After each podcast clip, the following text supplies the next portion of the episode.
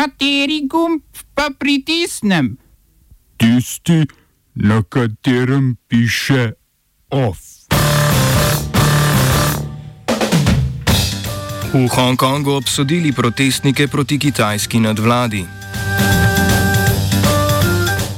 Tajsko ustavno sodišče prikimalo premijeju Prajutu Čanoči. Evropsko združenje tiskovnih agencij podprlo STA. V kulturnih novicah stalni dopisnik RKHV iz Severne Slovenije na virtualni razstavi.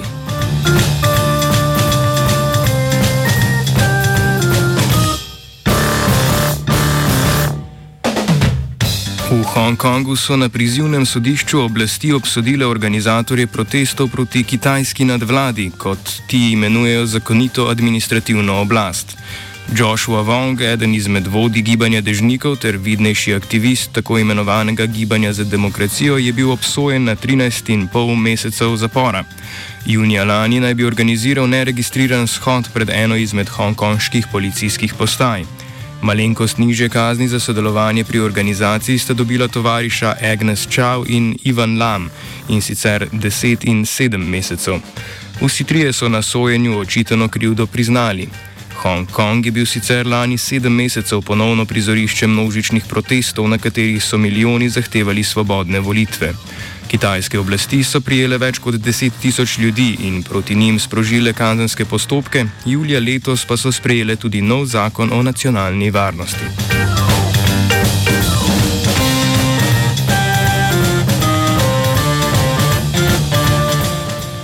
Množični protesti ne bodo prinesli niti odstopa tajskega premijeja Prajuta Čanoče. Tajsko ustavno sodišče je danes namreč zavrnilo pritožbo opozicijske stranke Peutaj, nekdanjega premijeja Taksina Šinavatre. Ta je premijeju očitala, da nezakonito živi v rezidenci poveljnika tajske kraljeve straže. Čanoča je sicer takrat še v generalski uniformi, spomladi 2014 izvedel državni udar, na to pa zasedel še premijejsko mesto. Po spornih parlamentarnih volitvah marca lani ga je parlament ponovno imenoval za premijeja.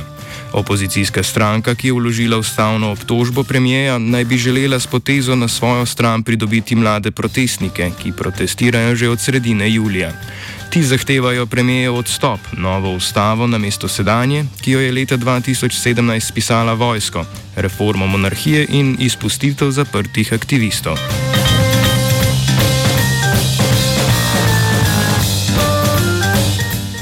Izraelski usporedni premijer Benny Gantz je včeraj naznanil, da bo njegova modro-bela stranka podprla opozicijski poskus razpustitve izraelskega parlamenta. Če bi bila ta izglasovana, bi Izrael čakale že četrte predčasne parlamentarne volitve v manj kot dveh letih.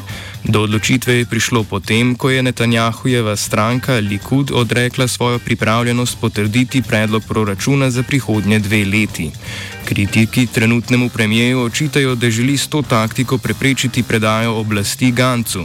Ganci in Netanjahu sta se namreč po dolgotrajnih pogajanjih aprila letos dogovorila za oblikovanje vlade narodne enotnosti. Po dogovoru naj bi se na mestu premijeja zamenjala na polovici triletnega mandata. Koalicijska pogodba vključuje nekaj varovalk, ki zagotavljajo prenos oblasti in bi v primeru njihovega nespoštovanja pripeljale do avtomatskega razpusta koalicije. Med njimi je bilo tudi glasovanje o proračunu.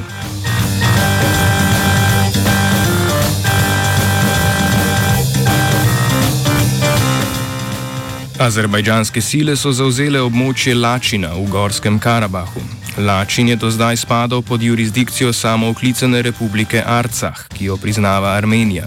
Azerbajdžanska vojska je tako skladno z mirovno pogodbo, ki je končala spopade v Gornjem Karabahu med Azer Azerbajdžanom in Armenijo, zauzela še zadnje predvideno območje.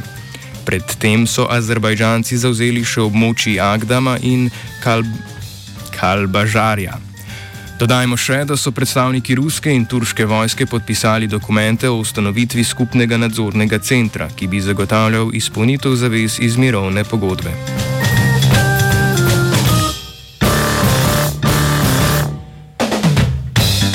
Etiopija in Združeni narodi so dosegli dogovor o zagotovitvi humanitarne pomoči za severno regijo Tigraj.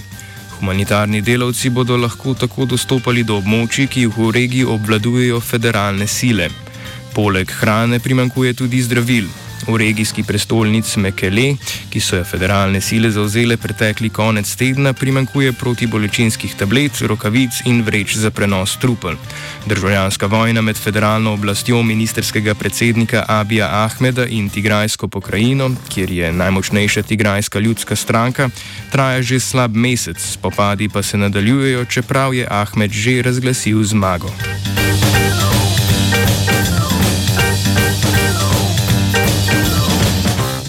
Novozelandska premijejka Jacinda Ardern je pred poslanci razglasila izredne podnebne razmere, poslanci pa so simbolično potezo potrdili s 76 glasovi za in 43 glasovi proti. Nova Zelandija se s tem pridružuje 32 državam, ki so tudi formalno priznale globalno podnebno krizo. In ukrepi? Vlada želi, da bi javni sektor do leta 2025 postal oglično neutralen. Premijejka je napovedala, da bo vladni sektor nakupoval zgolj še električne ali hibridne avtomobile, hkrati pa bodo za 20 odstotkov znižali število vladnih jeklenih koničkov. Napovedala je še, da bodo odstranili vseh 200 peči na premog v javnih zgradbah.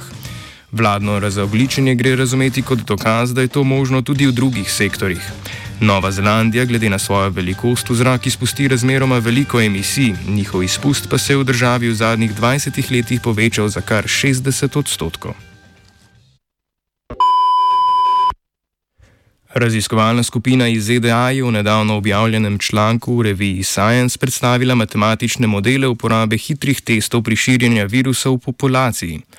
Z modeli je predvidela, da lahko reprodukcijsko število R pade pod ena tudi z uporabo hitrih testov, ki pokažejo rezultat v kratkem času, večkrat tedensko in to ne glede na občutljivost testa. Testi bi omogočili pravočasno izolacijo dovolj velikega števila kužnih oseb, da bi zajezili širjenje virusa v populaciji. Zato sta potrebna večkratno testiranje populacije in zagotovitev ustreznih pogojev za izolacijo oseb, ki dobijo pozitiven izvid.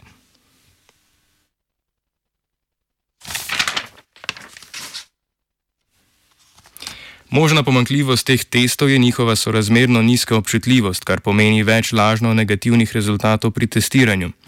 A občutljivost testa se spreminja glede na to, kako in kdaj v razvoju okužbe in obolelosti je vzorec oduzet. Hitri antigenski testi uspešno zaznajo osebe, ki imajo povišeno virusno breme v vzorcih, kaj naj bi bilo povezano s kužnostjo.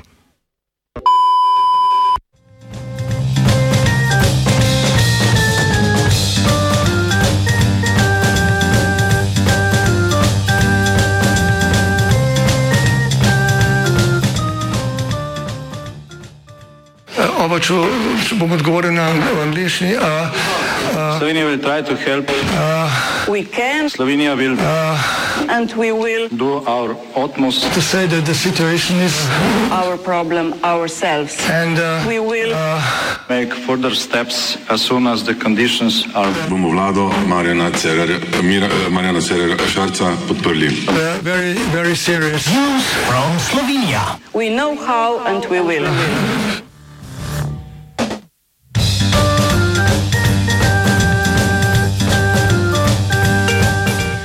Evropsko združenje tiskovnih agencij, krajše EANA, je v pismu slovenski vladi izrazilo podporo nadaljevanju financiranja STA in jo pozvalo naj prekine s pritiski na njeno delo, ugled in poslovanje. Predsednik združenja in direktor nemške tiskovne agencije, krajše DPA, Peter Kropš, je v pismu zapisal: citiramo. Nacionalne tiskovne agencije predstavljajo enega najpomembnejših glasov svojih držav v svetu.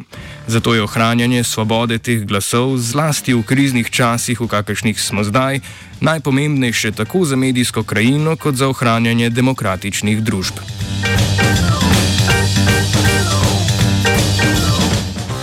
Pričakovano so se oglasili tudi opoziciji. Poslanci LMŠ, SD, SAB in Levice so zahtevali sklic seje odbora za kulturo, na kateri bi debatirali o financiranju slovenske tiskovne agencije.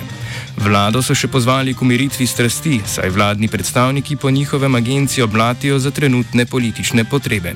Seja odbora bo v petek.